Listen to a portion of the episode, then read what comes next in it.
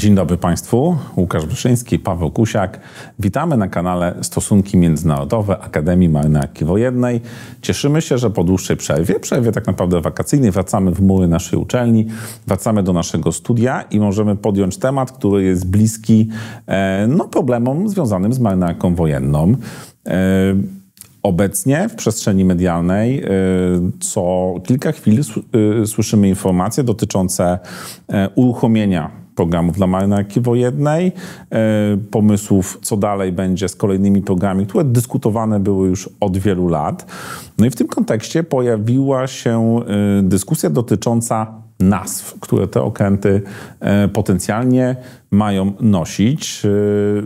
Wydawałoby się, że E, jest to informacja drugo- albo nawet trzeciorzędna, ale ona w pewnym sensie nawiązuje do historii marynarki wojennej, generalnie do tradycji, do tradycji morskich i temu chcielibyśmy poświęcić nasze dzisiejsze e, spotkanie. Stąd już po raz kolejny mamy przyjemność gościć e, pana profesora Andrzeja Drzewieckiego, pracownika Katedry Stosunków Międzynarodowych, eksperta i historyka, który zajmuje się marynarką wojenną Rzeczypospolitej Polskiej, ale nie tylko w szerszej perspektywie perspektywie problemami, które dotyczą spraw morskich. Panie profesorze, witamy po raz kolejny serdecznie i dziękujemy za przyjęcie zaproszenia. To dla mnie jest szczególny honor, że mogę po raz kolejny tutaj z kolegami porozmawiać. No i możemy kawałek tej historii marynarki wojennej w jakiejś innej perspektywie pokazać. No właśnie, panie profesorze, jakie znaczenie ma nazwa okrętu? Czy polska marynarka wojenna ma tu jakieś swoje szczególne tradycje, czy może wpisujemy się no, w ukształtowane w tych starszych marynarkach jakieś wzorce drogi? I to ja może rozpocznę odpowiedź na to pytanie od końca. Ponieważ jesteśmy, mimo że 100 lat minęło i to już 4 lata temu, to jesteśmy młodą marynarką. No jeżeli ogólnie wiemy o tym, że powiedzmy ten szlak wszelaki możliwy morski przecierała flota angielska, no to i angielskie wzorce, angielskie pewne tradycje również zostały w jakiś sposób zaadoptowane do marynarek, które rodziły się czy były budowane stosunkowo późno. E, natomiast poprzez te 100 lat ostatnich ukształtowała się pewna tradycja, jeżeli chodzi o nazewnictwo czy nazwy okrętów, E, bo jeżeli stawiamy pytanie, jakie to ma znaczenie, e, to można tutaj nie sięgać do marynarki wojennej, użyć innego przykładu. Proszę zauważyć, że każdy z nas nazywa jakimiś imionami własnymi wszystko, co jest mu bliskie, drogie, szczególnie cenne. Każdy z nas ma imię. Nawet, przepraszam za wrażenie, głupi samochód, mimo że ma markę, to ktoś nadaje mu dodatkowe imię związane emocjonalnie. Małżonka ma imię, ale dlaczego nie ma być żłotkiem, skarbusiem czy czymś innym? Jak popatrzymy na te sprawy morskie, to proszę, taki spór jakiś intelektualny jest, co było pierwotne. Czy Arka Noego, czy na przykład wyprawa po Złote Runo i okręt, na którym ta wyprawa się odbyła. A w związku z tym, ponieważ no, chcemy, żeby te rzeczy dla nas ważne miały swoje jakieś takie dookreślenia, nie takie oficjalne, ale takie powiedziałbym budzące pewne emocje, pewne powiązania, skojarzenia, to myślę, że to powoduje, że również okręt, poza tym, że ma typ, klasę, przynależność, to ma właśnie to, co na burcie widnieje. ORP i ta jego nazwa. I przypomnę y, taką historię, ale już mającą co najmniej kilkadziesiąt lat to starsze pokolenie jeszcze żyjące pamięta o tym, jak była zasadnicza służba wojskowa. I na przykład marynarz, który służył na okręcie, na banderce, miał napis na przykład ORP Warszawa, ORP Orzeł, czyli był wyraźnie, tak powiem, identyfikowany, że on jest częścią tego okrętu. On służy na okręcie, bo tu była na banderce nazwa.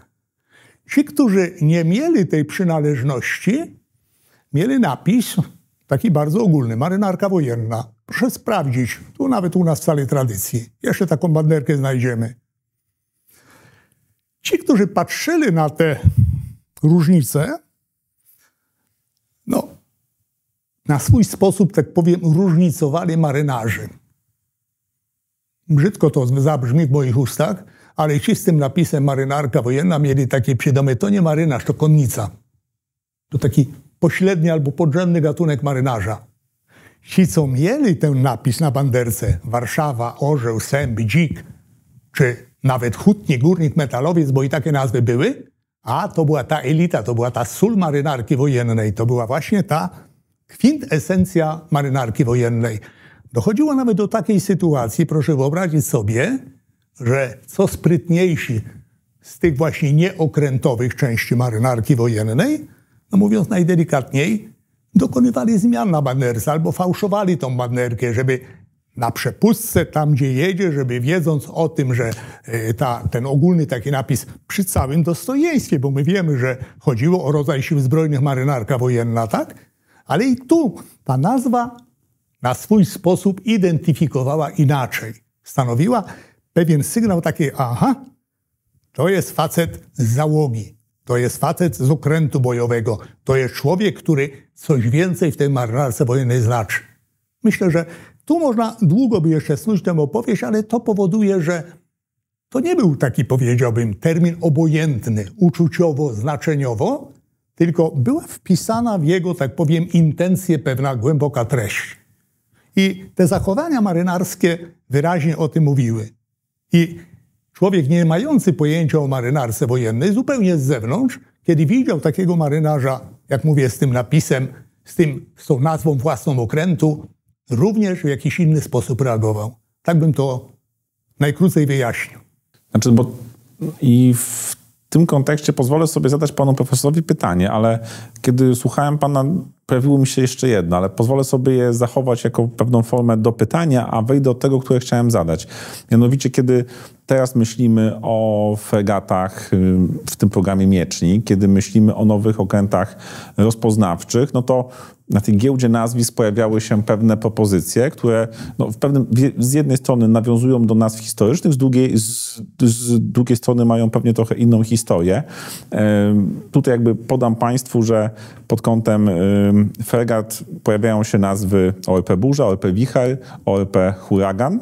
A w przypadku okrętów rozpoznawczych w programie Delfin y, Jerzy Różycki i Henryk Zygalski co to są za nazwy, do jakiego okresu y, nawiązują i ewentualnie no, jaki, jakie okręty w historii polskiej marynarki wojennej y, mają upamiętniać czy pokazywać pewną, pewną kontynuację.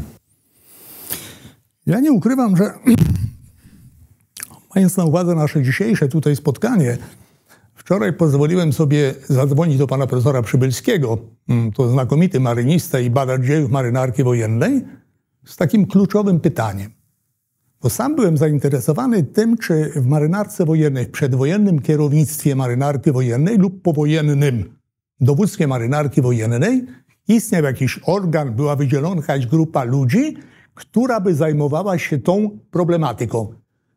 Systematyzowaniem nazw, składaniem propozycji itd. Tak Okazuje się, że nic takiego w dokumentach znaleźć nie można. To już jest pierwsza, tak powiem, taka ciekawostka. Y, ja myślę, że u nas, jak powiedziałem, pewną sprawę uporządkowano, bo jak popatrzymy na marynarkę wojenną, to te nazwy, które tutaj y, pan Łukasz wymienił, one były przypisane, czyli niszczyciele przedwojenne miały przypisane nazwy groźnych zjawisk atmosferycznych. Stąd burza, grom, błyskawica, huragan i tak. Okręty podwodne, tak jak to pięknie ujmował admirał Pietraszkiewicz, ponieważ okręt podwodny to samotny myśliwy. To jest okręt przeznaczony do polowania, mówiąc językiem takim myśliwskim, łowczym. Stąd przypisywano im nazwy dzikich drapieżników. Stąd orzeł, sęby, dzik, wilk, żbik i tak dalej. E, okręty trałowe z kolei, jako te przeznaczone do działań w strefie przybrzeżnej, bo przestawianie min, podejmowanie, rozpoznanie minowe odbywa się w strefie przybrzeżnej, e, skojarzono w ten sposób, że dobrze byłoby, gdyby nosiły nazwy ptactwa przybrzeżnego. Stąd mewa, pelikan, żuraw, kormoran, żuraw, kormoran tak, i tak dalej. E, z kolei inna, tak powiem, podgrupa, czy inna klasa okrętów ścigacze, jak sama nazwa mówi, one znów są przeznaczone do zwalczania okrętów podwodnych. Zwalczanie okrętów podwodnych polega na ich pewnym sprycie, e, powiedziałbym, szybkości i tak dalej. Stąd był zwinny, szybki, nieuchwytny, bystry, nieugięty tak. i tak dalej. Tak. tak Czyli proszę zauważyć, że to miało sens. To się przyjęło. Natomiast e, na pytanie, moje pytanie e, do profesora Przybylskiego, no dobrze, ale te pierwsze nazwy, gdzie szukać, tak powiem, źródła tego? Pan profesor zasugerował, mówi, wiesz co, pewnie byłem pierwszym, który jemu takie pytanie zadał, czyli proszę zauważyć, 100 lat marynarki, a my o pewnych rzeczach mówimy, tak. Ale mówi pan profesor, że Prawdopodobnie to się wzięło, tak powiem, żeśmy się uważnie przyglądali flocie brytyjskiej, flocie francuskiej, jak u nich to funkcjonuje. Jak popatrzymy na te no floty, czy amerykańską, czy angielską, czy francuską, czy niemiecką, oczywiście tam paleta tych nazw jest o wiele bogatsza, tak, bo to są floty Większą, albo tak. bardzo duże, albo duże. E, nasza flota, przy całym szacunku dla niej, możemy powiedzieć, przy tych gigantach, była flotą kameralną. Natomiast ja powtórzę, że w ten sposób, jakby e, poprzez klasy okrętów, typy okrętów, przypisywanie im pewnych cech, ukształtowała się u nas już przed wojną, czy wykształciła się pewna tradycja. E, można oczywiście, jak nad wszystkim i nad nią dyskutować. No bo ja myśląc, wejdę w słowo panu profesorowi, ale i w okresie międzywojennym były drobne odstępstwa, bo pamiętam o, o, o tej tradycji, no bo była przecież kanonierka generał Haller, komendant Piłsudski, były takie, takie, e, takie małe odejścia od tego. To znaczy, tutaj bym, ja nie wiem, czy bym to nazywał odejściami. To tylko to jeszcze dorzucę. No, przecież w okresie po II wojnie światowej, pan profesor już wymieniał, no, mieliśmy dwa niszczyciele OEP Warszawa, hutnik, rolnik, y, metalowiec, okręty rakietowe, a w tej chwili mamy Ko Kościuszkę i Pułaskiego. Tak. To też kontekst zupełnie inny, też będzie warto. Ale proszę, proszę zauważyć, że żeby tutaj, mówiąc tak, żebyśmy na siłę nie szukali sensacji. Bo nie ma, nie, nie ma takiej potrzeby. E, oczywiście, e, to na co pan tutaj, Paweł, zwrócił uwagę, tak, ten, ten, ten, te dwie kanonierki, one jakby nie mieszczą się w tej logice, o której ja powiedziałem. Ale też i te dwa okręty miały swoją specyfikę. Ale proszę zauważyć, że jeżeli popatrzymy, generał Haller i komendant Piłsudski, tak, to przecież zacne osoby, tak powiem, użyczyły, no. powszechnie szanowane. wtedy zresztą, Generał Haller związany za ślubinami, Piłsudski związany w ogóle z tworzeniem marynarki wojennej z dekretem. Czyli tutaj myślę, że nawet najbardziej wybredni, yy, najwięksi koneserzy, no musieliby, tak powiem, głowę popiołem posypać i uznać, że to z kolei, na co pan tutaj Łukasz zwrócił uwagę po wojnie. Proszę e, pamiętać o jednej rzeczy chyba ważnej, że po 1989 roku e, nastąpiła, tak powiem, generalnie pojawił się zamysł oczyszczenia sił zbrojnych, przepraszam za słowo, brzydko to zabrzmi, z tych złogów socjalistyczno-komunistycznych i przywrócenia wojsku narodowych tradycji. I wtedy te wszystkie hutniki, górniki, metalowce, rolniki, rolniki bo i tak, takie były tak okręty o takiej nazwie, oczywiście od razu pojawiły się na czarnej liście, tak jak pojawiły się nazwy wyróżniające, nazwy wyróżniające jednostek, patroni jednostek i tak dalej. Z tym, że wtedy, panowie, powołano w Warszawie specjalną komisję, która te wszystkie wnioski o nowe nazwy, o zmiany, sztandary przecież generalnie wycofano, wprowadzono nowy wzór sztandaru, czyli wykonano olbrzymią pracę. Natomiast do dziś powstaje pytanie, no skąd się wzięły te górniki, hutniki, rolniki i tak dalej? Bo nie zmieniono tych nazw w końcu, prawda? Zmieniono, oczywiście, że zmieniono. A. Przy wielkim oporze załóg, bo przecież Aha. załogi się utożsamiały. To dla załogi to był okręt. To był okręt, na którym on służył. I w momencie, kiedy tak powiem, gdzieś tam nad głowami tych załóg toczyła się jakaś tam powiedzmy, no, dyskusja, e, że to e, socjalistyczne, że trzeba to zmienić i tak dalej, niekoniecznie trafiało to. Proszę nie zapominać, że tutaj był zamach poważny na bohatera Akademii Marynarki Wojennej, obrońców Westerplatte Tutaj naprawdę wiele wysiłku dołożono, żeby tego zbiorowego bohatera, bo uznano, że nie może być patronem zbiorowy bohater. To jest jedyny, jedyna taka jednostka To był Polsce, argument, tak, tak, który, tak. który powiedzmy szermowano. Skąd się wzięły na przykład te nazwy typu Warszawa i tak, tak. Ano wzięły się one stąd, że szukano przy okazji nadania takiego imienia szukano, dziś byśmy powiedzieli, sponsora. I na przykład Huta Warszawa, No tak, był hutnik, więc był... górnik, czyli kopalnie. Metalowiec? Tak, i Ale to nawet, przepraszam słowo, no przecież nawet już y, nazwijmy to e, w czasach nam współczesnych, nazwy okrętów transportowo-minowych, tak, czyli Toruń, Lublin, Poznań, no te wszystkie okręty też mają, znaczy jest współpraca załóg z Miastami, samorządami, z miastami. Ale tutaj, tutaj by można, tam gdzie mamy te, te, te powiedzmy w nazewnictwie miasta, to można byłoby szukać, powiedziałbym, e, śladów e, flotyli pińskiej, flotyli grzecznej, flotyli wiślanej. A, był- Tam był Toruń, była Warszawa, był Czyli to jest Kraków, kontynuacja. Było Chorodyszcze na przykład, tak? O. Czyli, czyli mamy, mamy, bo jeżeli to Ale- paletę nazewnictwa rozszerzymy na przykład o e, tradycjach, które ukształtowały się we flotyli pińskiej i wiślanej, to będzie ta paleta zdecydowanie bogatsza, tak? Tam pojawiają się głowy koronowane.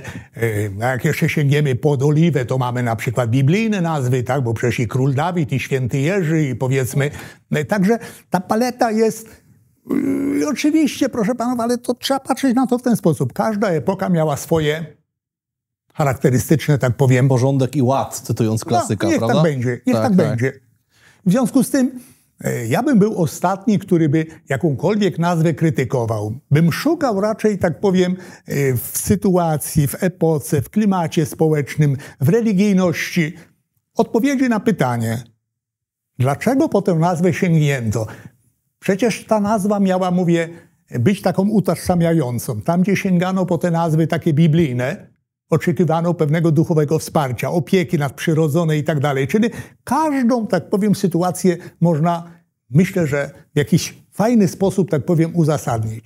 Zanim do poważniejszego pytania, to nie mogę nie zadać y, takiego, czy ma pan profesor ulubioną nazwę okrętu z całej historii naszej marynarki i czy wskazałby pan pana zdaniem najdziwniejszą? Ja nie wiem, czy, czy, czy jest taka ulubiona. Ja uważam, że taka, która jakby automatycznie wpada w pamięć, yy, dla mnie to jest orzeł. Nie ulega wątpliwości. Yy, Z okrętów, powiedzmy, zniszczycieli, siłą rzeczy błyskawica.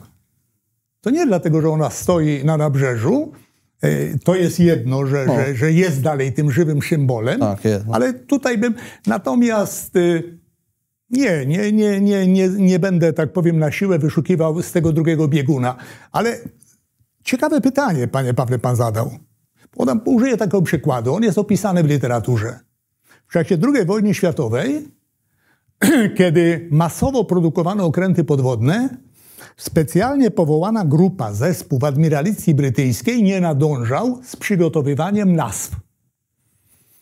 Ponieważ no, powstał problem, uznano, że rezygnuje się w pewnym momencie z tych nazw, o których my dzisiaj rozmawiamy, a będzie tylko okręt nosił numer burtowy. Tak samo było w, ja, w, ja, w Japonii podczas wojny na Pacyfiku. Numer burtowy. I co się okazało?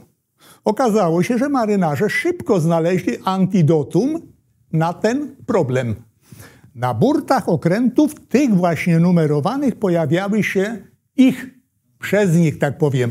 No i w literaturze opisano, że były to bardzo często frywolne, dość frywolne, nieraz dość wulgarne nazwy i tak dalej. Kiedy dotarł ten sygnał do admiralicji, okazało się, że powołano drugi, wkrótce trzeci zespół, po to, żeby jednak sprostać. Nadążyli. Czyli co, się, co z tego, jaki z tego wniosek wynika? Że znów próżni tu nie może być. Skoro jest pewna tradycja, skoro jest pewien zwyczaj, skoro ma to jakieś, tak powiem, emocjonalne przełożenie na załogę, trzeba to uszanować. I, I ten przykład brytyjski pokazuje, że e, tak powiem, Nazwa być musi. tak, że, że Ciąg- przynajmniej, przynajmniej powinna być, nie?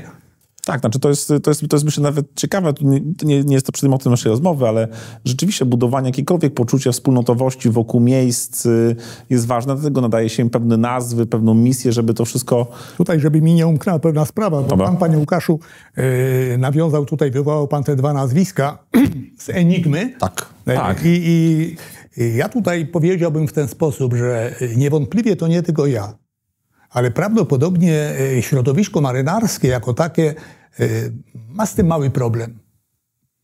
E, Jakby nie było, to nie, I od razu, żeby to jasno wybrzmiało, że nie chodzi o jakiekolwiek kwestionowanie zasług tych dwóch dżentelmenów. Absolutnie nie. Cała ta grupa, niektórzy nawet piszą w poważnych opracowaniach, że to był jeden z największych wkładów Polski w II wojnę światową.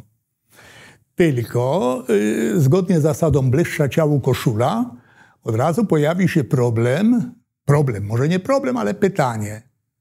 A czy my nie mamy tu w gronie marynarskim przykładów osób, proszę zauważyć panowie, jak u nas bardzo mocno i słusznie eksponujemy całą grupę marynarzy, oficerów, zacnych oficerów, których dotknęły tak zwane represje stalinowskie. No, mamy nawet całą przecież serię ulic. y, Ja mówię o tej nazwanych, całej, tak, powiem, nazw. e, Nocy Komandorów, Tak, to o czym pisał pan- e, jeden zacny komandor. I teraz tak, tak mi przyszła na myśl. Oczywiście oni mają swoje ulice, nie wszyscy, ale niektórzy mają i tak dalej. A czemu by nie? A czemu by nie? No tak. Mamy przecież, jak sięgamy, a lubimy sięgać głęboko w historię, mamy przynajmniej dwóch zacnych monarchów, którzy próbowali tę Polskę na morza wyprowadzić. Myślę tu o Zygmuncie Augustie, myślę o Władysławie IV. Jeżeli już bliżej, to mamy przecież znakomity przykład Gryfa Pomorskiego.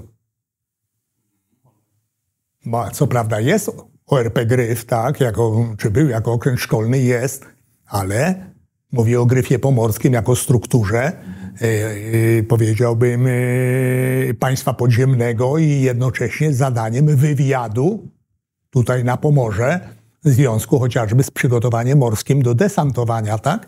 I prawdopodobnie, ja tutaj niczego nie chcę przesądzać, absolutnie.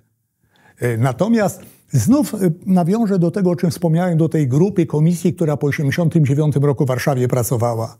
Przyjęto wtedy bardzo dobry zwyczaj. I on był przez lata bardzo, tak powiem, sympatycznie kultywowany, podtrzymywany. Konsultowanie ze środowiskiem, którego dana sprawa dotyczy. I do odznak pamiątkowych, a wtedy Przypomnę, że masowo je wprowadzano, tak zwane okrętowe, e, dywizjonowe, e, flotylowe i tak dalej, czyli cała paleta przepięknych oznak została wprowadzona, ale wszystko było konsultowane. Od sztandarów, poprzez oznaki, poprzez nazwy wyróżniające, poprzez patronów. I wydaje mi się, że gdyby e, ktoś mnie pytał o zdanie, to powiedziałbym, nie ma sensu drzwi wyważać, bo żeśmy po 89 roku to przerabiali. I to było społecznie akceptowane. Yy, I marynarze. Przypomnę panom, ja dwóch panów pamiętam. Warto ich tutaj przy okazji przypomnieć, tych od, odznak tak zwanych pamiątkowych. Mówię o panu komandorze Waldemarze Wierzykowskim ze Świnoujścia. Yy, Do dziś, proszę Państwa, z pasją wykonuje albumy różnego rodzaju, no, rzeczy kapitalne, absolutnie dla marynarki. I drugim był komandor, którego warto tu wywołać, bo razem z nim służyłem, to mu się pięknie kłaniam. Komandor Bronisław Grzegorczyk. To byli dwaj ludzie ze, z lekką ręką, złotym piórem, które te sudeńka tworzyli. Ale jak mówię, nie dlatego, że gdzieś tam sobie w zaciszu, tylko przygotowywali projekt, projekt był konsultowany, oceniany, poprawiany, uzupełniany i wtedy był godnie wdrażany. Ja myślę, że e, jeżeli i przez szacunek dla środowiska, ale i ze względu chociażby, bo tradycja to jest to, co się kształtuje. Co mówiąc, toruje sobie drogę. To, o czym powinno się, tak powiem, mówić jako o tworzywie, które łączy środowisko, spaja środowisko. I uważam, że takie rozmowy niczemu by nie przesądzały, nie zaszkodziły, a byłyby Znaczy, bo to jest też jakby element, jak myśmy z Pawłem rozmawiali o tym, kiedy te nazwy e, pojawiły się w przestrzeni publicznej. To znaczy, zadaliśmy sobie takie pytanie, no, czy to właśnie to, co pan profesor powiedział, że skoro one dotyczą pewnego środowiska i skoro to jest, nazwijmy, coś, co jest ważne dla poczucia pewnej wspólnoty, misji, celu, to dlaczego nie poddać tego właśnie jakiejś szerszej dyskusji, bo pan profesor zwrócił na to uwagę, że Gdyby doszukiwać jakiegoś jednego pomysłu na tradycję nas polskiej marynarki wojennej, no byłoby ciężko jakby włożyć to w jedne ramy, no bo ja też na końcu wywołałem kwestię tych dwóch fregat, które otrzymaliśmy od Amerykanów, no i domyślam się, że to jest pewna potrzeba chwili, w sensie skoro trzeba podkreślić jakąś współpracę polsko-amerykańską. Ale to jest byli idealni. Tak, no to ale to znów, szukano jeżeli, jeżeli, wspólnych bohaterów, no znowu, tak, jeżeli, co to wspólnego miał z Menarką? Jeżeli ten przykład jest tutaj, y, to znów go nie można upychać w jakieś ramy, bo tak, on ma i kontekst polityczny, ma piękny, piękne tło historyczne, postacie akurat tych dwóch, i Kościuszko i Puławski, są nie do zakwestionowania, e, czyli mówiąc, łączą i pokoleniowo, i historycznie, i politycznie, i militarnie, czyli mówiąc, obaj są, byli wojskowymi i do wysokiej rangi. Natomiast, jak mówię, tu mamy jeszcze ten z tymi dwoma, mówiąc y, tymi, tymi dekoderami, jak ich tak określę, przepraszam za określenie, mamy ten problem, że to osoby niewojskowe. A ja nie znam przypadku, już mówiliśmy o Halerze, mówiliśmy o Piłsudskim. Piłsudski nie był co prawda wojskowym, tylko brygadzierem i nigdy nie, nie kazał się tytułować generałem, bo mówi, że na to nie zasługuje, bo nie kończył, ale był brygadzierem, był, tak powiem, y, z krwi i kości wojskowym, nie tyle ze stopnia, co z natury, tak? Jak mówimy o Kościuszce, mówimy o Pułaskim, ale ja nie znam przypadku, żeby osoba absolutnie, tak powiem, niezwiązana to chyba tylko w amerykańskiej marynarce jest nazywanie e, imionami na przykład amerykańskich byłych pre, prezydentów, tak? To jest, to jest jakby ich, nazwijmy w ogóle to. Bym, y, panie Łukaszu, bym, bym był delikatny, bo żebyśmy czasami nie przenosili, bo my tak lubimy nieraz nie, takie znaczy kalki stosować. Amerykanie mają tak gigantyczną flotę rozbudowaną, e, tak potężną strukturę i mało tego, mają przyjęte, że e, na przykład nazwiska prezydentów służą do jednej, nazwiska i te Stany nazwy Stanów, do, nazwy, tak, to jest, to jest absolutnie wojennych, tak, tak, to jest, to jest, to jest, tak powiem, z historii. Oni niewątpliwie dbają o to, oni, oni cholernie dbają o to, że e, na wszelkie możliwe sposoby odmieniają to, to Stany Zjednoczone tak. i, i, i robią to doskonale. Natomiast, jak mówię, my musimy te nasze apetyty skroić do floty. Cieszyć się należy, że jest ta jaskółka, że rusza program jeden, drugi czy trzeci i to niewątpliwie jest coś, co buduje środowisko. I byłoby fajnie, gdyby, gdyby takim dopełnieniem tej zielonego, tak powiem, światełka e, było to, o czym tu rozmawiamy, że ktoś to środowisko pyta, albo tę propozycję próbuje skonsultować, tak? No, no, no to właśnie w kontekście tych dwóch nazwisk, które się pojawiły, to jakby no, mamy mniej więcej temat omówiony, ale jak mogę wrócić do tych nazw burza, wicher i huragan, czy po opinii pana profesora to na, na, nawiązanie do tej marynarki drugiej RP, no oczywiście no część właśnie... i, i, później też znaczy, To znaczy tak, yy, nie jest to powtórka jeden do jednego, bo nie może być. Bo technika, technologia poszła tak daleko do przodu, ale mamy, tam mieliśmy do czynienia z niszczycielem klasycznym, tu będziemy mieli do czynienia z niszczycielem rakietowym. Czyli jakby zostaje utrzymane pewne... Fregatą nawet, tak? Fregatą, tak, tak mhm. fregatą. Czyli, czyli mówiąc, natomiast yy, wydaje mi się, że to, co wielokrotnie admirał Kasik podkreślał, że marynarka to ciągłość i tradycja. To żeby te dwa, tak powiem, elementy, argumenty zostały spełnione, to proszę zauważyć, że mamy ciągłość orła Moglibyśmy takiej ciągłości szukać na przykładach innych okrętów. I tu mnie, powiedzmy tak uczciwie, osobiście to yy, chyba, gdybym, o, tu pan Paweł zapytał, yy, co bym ja ewentualnie zakwestionował, to nie ukrywam, że ten uragan mi tam, mówiąc francuski, nie do końca stroi. Jesteśmy, panie profesorze, najprawdopodobniej w przededniu, oczy, oczywiście w cudzysłowie, przededniu jakichś konkretów, no może ogól, y, pewnych na temat przyszłości rozwoju okrętów podwodnych. Y, dyskutuje się o wykonawcy. Pewnie będziemy w najbliższych miesiącach dowiadywali się więcej. No i pojawi się pewnie tu również problem nazw dla okrętów. Pan wyjaśnił, jakie, jaka była tradycja nazewnictwa okrętów podwodnych od tych samotnych drapieżników. No to w tym kontekście, jeżeli rzeczywiście mowa byłaby o takich trzech okrętach podwodnych, to Pana zdaniem, jakie nazwy powinny one otrzymać, żeby było to zgodne z tradycją, no ale również nie, no jeżeli, nie, nie, nie, nie, było zniewolone przez tradycję. Jeżeli, jeżeli mówiąc, e, okazałoby się, że orzeł, o którym ja już e, kilka zdań ciepłych powiedziałem, bo zasługuje na to, chociaż znów, panowie, no można, jak patrzymy na literaturę marynistyczną zachodnią, to tam dużo uwagi, nie wiem, czy się panowie zwrócili na to, przywiązuje się, czy miał szczęście. I dowódca, i okręt. Czy był to okręt szczęśliwy? E, no, tego chyba specjalnie o Orle nie dałoby się powiedzieć. O tym Orle mówię pierwszym. Nie dałoby się chyba specjalnie powiedzieć. Ale znów przemawia za nim no, wiele zdarzeń z jego udziałem i legenda, ale i fakty przemawiają, tak? No nie każdy, co prawda e, można znów mówić, że, że to e, powiedziałbym złe dowodzenie spowodowało, że znalazł się okręt w Tallinie, tak, bo nie powinien się tam znaleźć, ale zostawmy to na ten moment. Czyli gdyby się okazało, że rzeczywiście e, ten orzeł, który no, już dłuższy czas jest w remoncie i w takiej niedyspozycji, że zostanie spisany, jak to się mówi językiem marynarskim, na żyletki, no to zwolniłaby się piękna nazwa historyczna orła. Pozostaje do zagospodarowania bliźniacza nazwa soku. Yy, sęp, sęp, Przepraszam, sęp. Pozostają trzy, te zbudowane we Francji, wilk, żbik, ryś. Mhm. No tak, bo chyba... z czego wybierać. Tak, no i przecież też te okręty miały też no, y, historię na Morzu Śródziemnym podczas II wojny światowej. To no, nic... Tylko na Morzu Śródziemnym mamy y, oczywiście znów y, sokoła, dzika, tak? Czyli znów, proszę zauważyć... Jest czego no, wybierać. Panie Pawle, daj Boże tej naszej marynarce wojennej, żeby miała tyle okrętów podwodnych, ile nas jest do zagospodarowania i to bardzo zacnych. E, mówię, e, tutaj mamy te, te, te okręty, które kładły jakby stępkę pod służbę w ogóle podwodną. Mówię o tych typu wilk francuskich. Na Morzu Śródziemnym mamy przynajmniej dwa, które miały te pirackie flagi, które były wyróżniającym takim za, za dzielność i, i za różne, tak powiem, walory bojowe. No i mamy dwa, te, które nazywano krążownikami wręcz oceanicznymi, czyli orła i sępa, nie?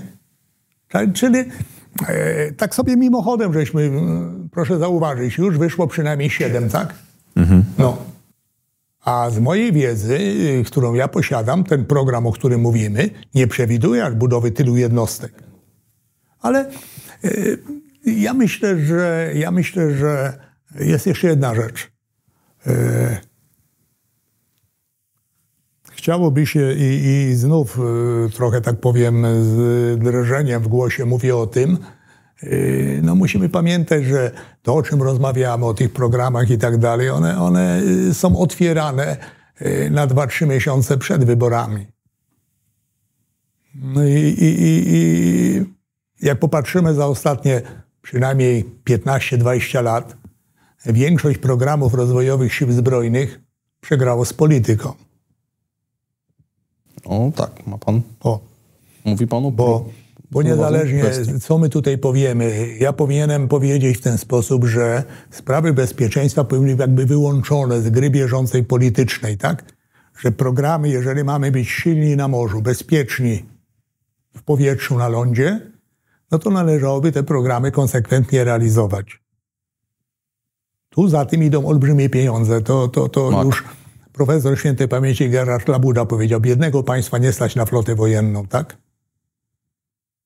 My akurat tutaj potentatem nie jesteśmy w tej materii. Jeżeli już postawiono, czy jak ładnie powiem, położono tę stępkę, to chciałbym, życzyłbym i marynarce wojennej i temu środowisku, żeby no wreszcie ten przełom nastąpił, tak? Żeby ci młodzi ludzie którzy kończą, żeby, żeby mieli to poczucie, że są potrzebni, że pójdą. Służyć w nowoczesnym rodzaju sił zbrojnych, który odgrywa ważną rolę w kształtowaniu bezpieczeństwa państwa. Ale przepraszam za ten akcent polityczny, nie? Bo, bo... Ale myślę sobie, że w tym kontekście, że mogę zapytać jeszcze o jedną kwestię, no bo te nazwy, one oczywiście są bardzo ważne dla marynarzy, dla samej marynarki. Ale tak sobie myślę, że one też zawsze i w okresie drugiej RP, kiedy przecież wiemy, że mieliśmy też y, cały problem, znaczy cały program jakby budowy też no, takiej morskości państwa, podejmowania pewnych prób, tak, że y, no, społeczeństwo przecież nawet partycypowało w zbiórkach, tak, na cele, żeby móc tą marynarkę rozwijać.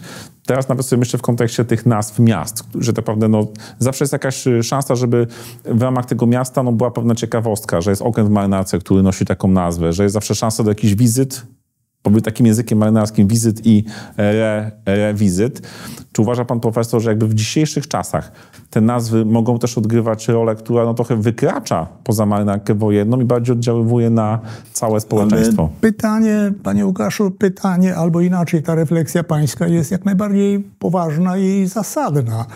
E, to nic się nie zdarzy z powodu samej nazwy. To wszystko będzie zależało od tego, co z tym ludzie zrobią.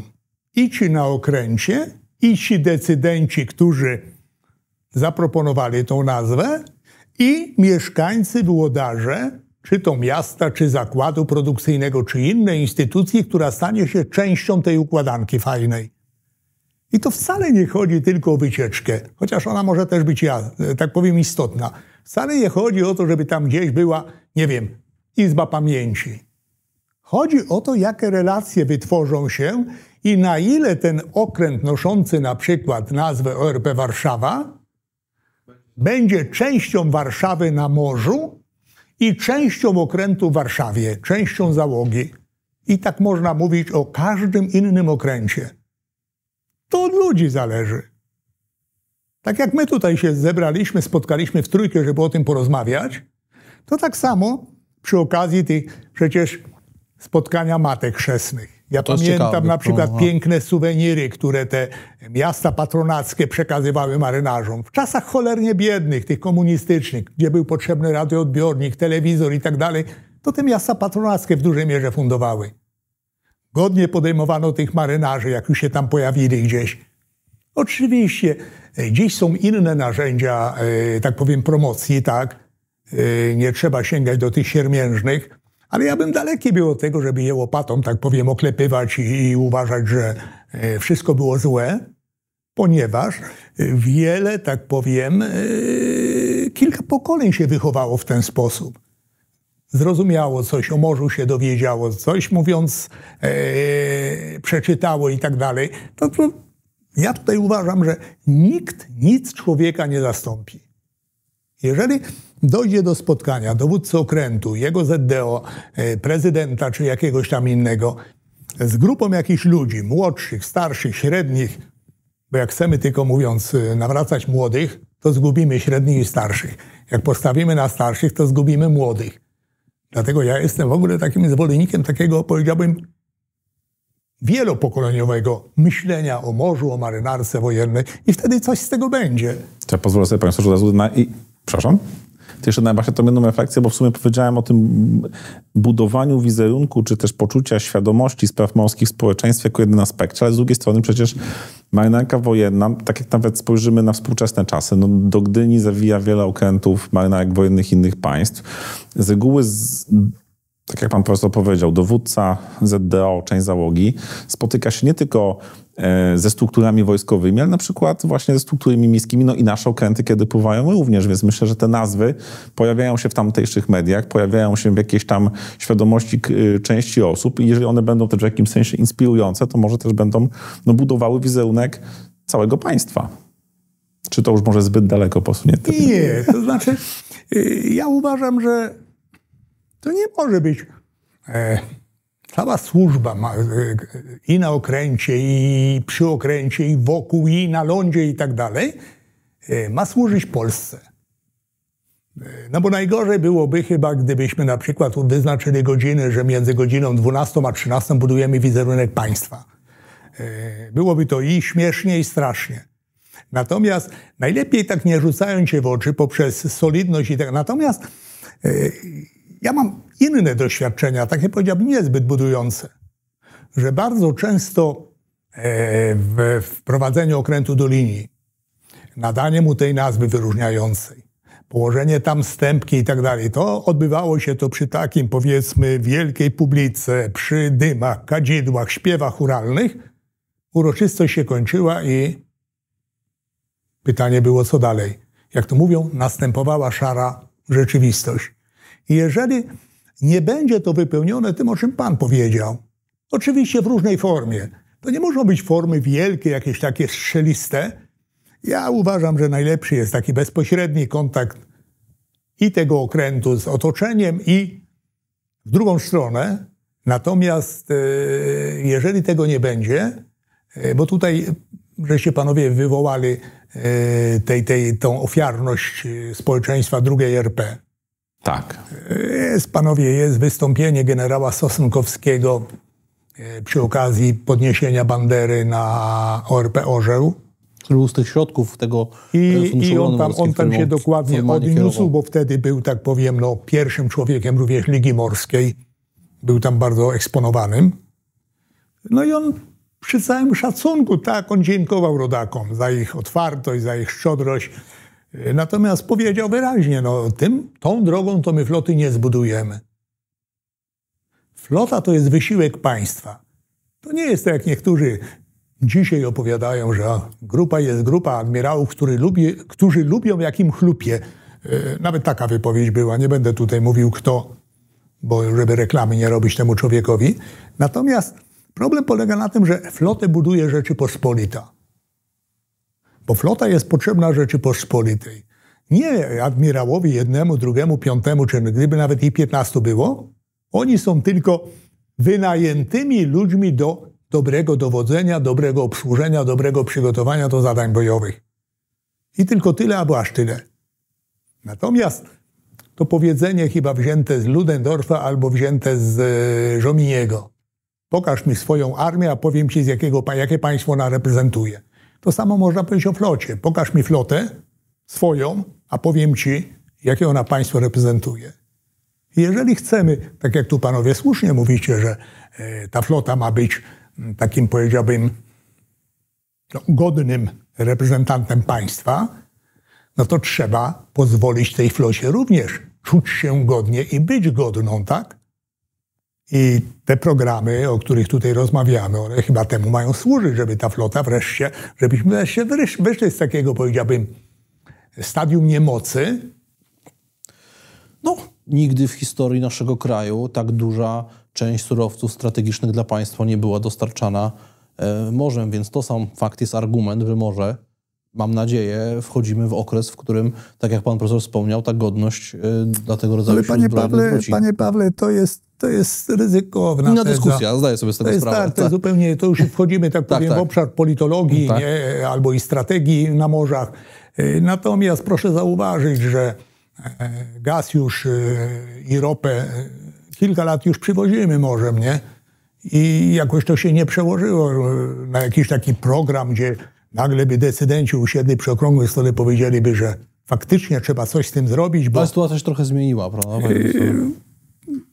Ja bym, tak powiem, dzisiaj nie, nie wchodził w dyskusje natury politycznej, ponieważ Tak, znaczy, ale myślę, że to, że to, co pan profesor powiedział, że nawet wychodząc od rozmowy w- podczas dzisiejszego spotkania o nazwach okrętów, e, no, dotknęliśmy wielu znaczeń, jakie te nazwy odgrywały, odgrywają i najprawdopodobniej w przyszłości będą odgrywały nie tylko w marynarce wojennej, ale też szerzej dla społeczeństwa. Byśmy nawet powiedzieli, że to jest taki element, e, no bo wiemy, że marynarka wojenna i zgodnie z prawem międzynarodowym, i zgodnie jakby też z pewną praktyką państw, to stanowi element polityki zagranicznej też i, i dyplomacji, ale byśmy powiedzieli, że taka kategoria, która jest stosowana od niedawna, czyli tej dyplomacji publicznej, takiej właśnie może, która nie jest ukierunkowana na tego odbiorcę formalnego, ale także na, na te inne społeczeństwa, no to też w coraz, w coraz większym stopniu może być e, stosowana.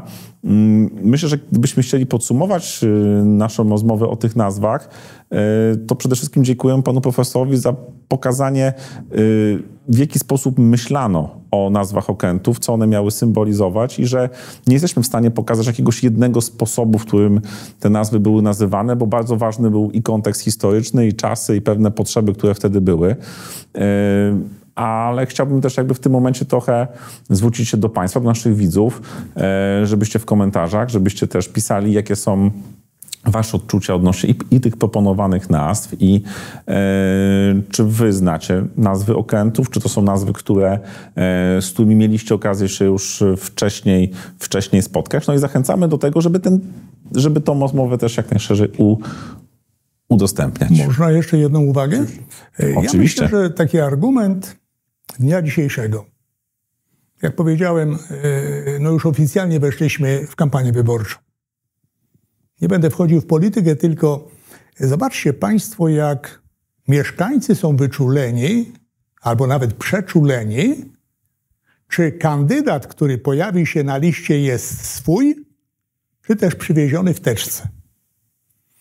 Mówię o tym dlatego, że brałem udział w kilku takich zdarzeniach, gdzie szkoła otrzymywała imię patrona. Jak ważne było dla nauczycieli, a zwłaszcza dla uczniów, że ktoś z nimi o tym dyskutował, rozmawiał. Że to nie jest człowiek przywieziony, czy nazwa przywieziona w teczce i tak ma być. Dlatego ja y, tak mocno tutaj akcentowałem z takim pewnym zdziwieniem, bo nie jest mi znany, mówię, y, być może, że to się gdzieś odbyło, ale ja nie znam na ten moment takiej sytuacji, żeby o tych y, nazwach ktoś tutaj mówiąc ze środowiskiem rozmawiał. A jeżeli chcemy, żeby te nazwy pełniły tę rolę taką integrującą, społeczną, taką powiedziałbym ponad wojskową, to uważam, że e, warto byłoby pomyśleć o tym, żeby one były w pełni akceptowane, żeby wręcz wychodziły od, ze strony środowiska, którego ma to dotyczyć. Bo panowie wiemy, że wszystko można kolanem dopchnąć i wszystko można, mówiąc pieczęcią, zatwierdzić. To pozostajemy tylko nadzieję, że ta nasza dzisiejsza rozmowa jest elementem tego typu dy, dy, dyskusji o e, nazwach i panie profesorze po raz kolejny serdecznie dziękujemy. Naszym gościem dzisiaj po raz kolejny był pan profesor Andrzej Drzewiecki z Katedry Stosunków Międzynarodowych Akademii Marynarki Wojennej. Mamy nadzieję, że jeszcze wiele tematów, które nawet pojawiły się dzisiaj podczas dyskusji będziemy mogli e, i poszerzyć i pogłębić podczas kolejnych spotkań. A Państwu dziękujemy za uwagę i zapraszamy już na nasze kolejne rozmowy. Dziękujemy, że byliście z nami. Dziękuję. Dziękuję pięknie. Pozdrawiam.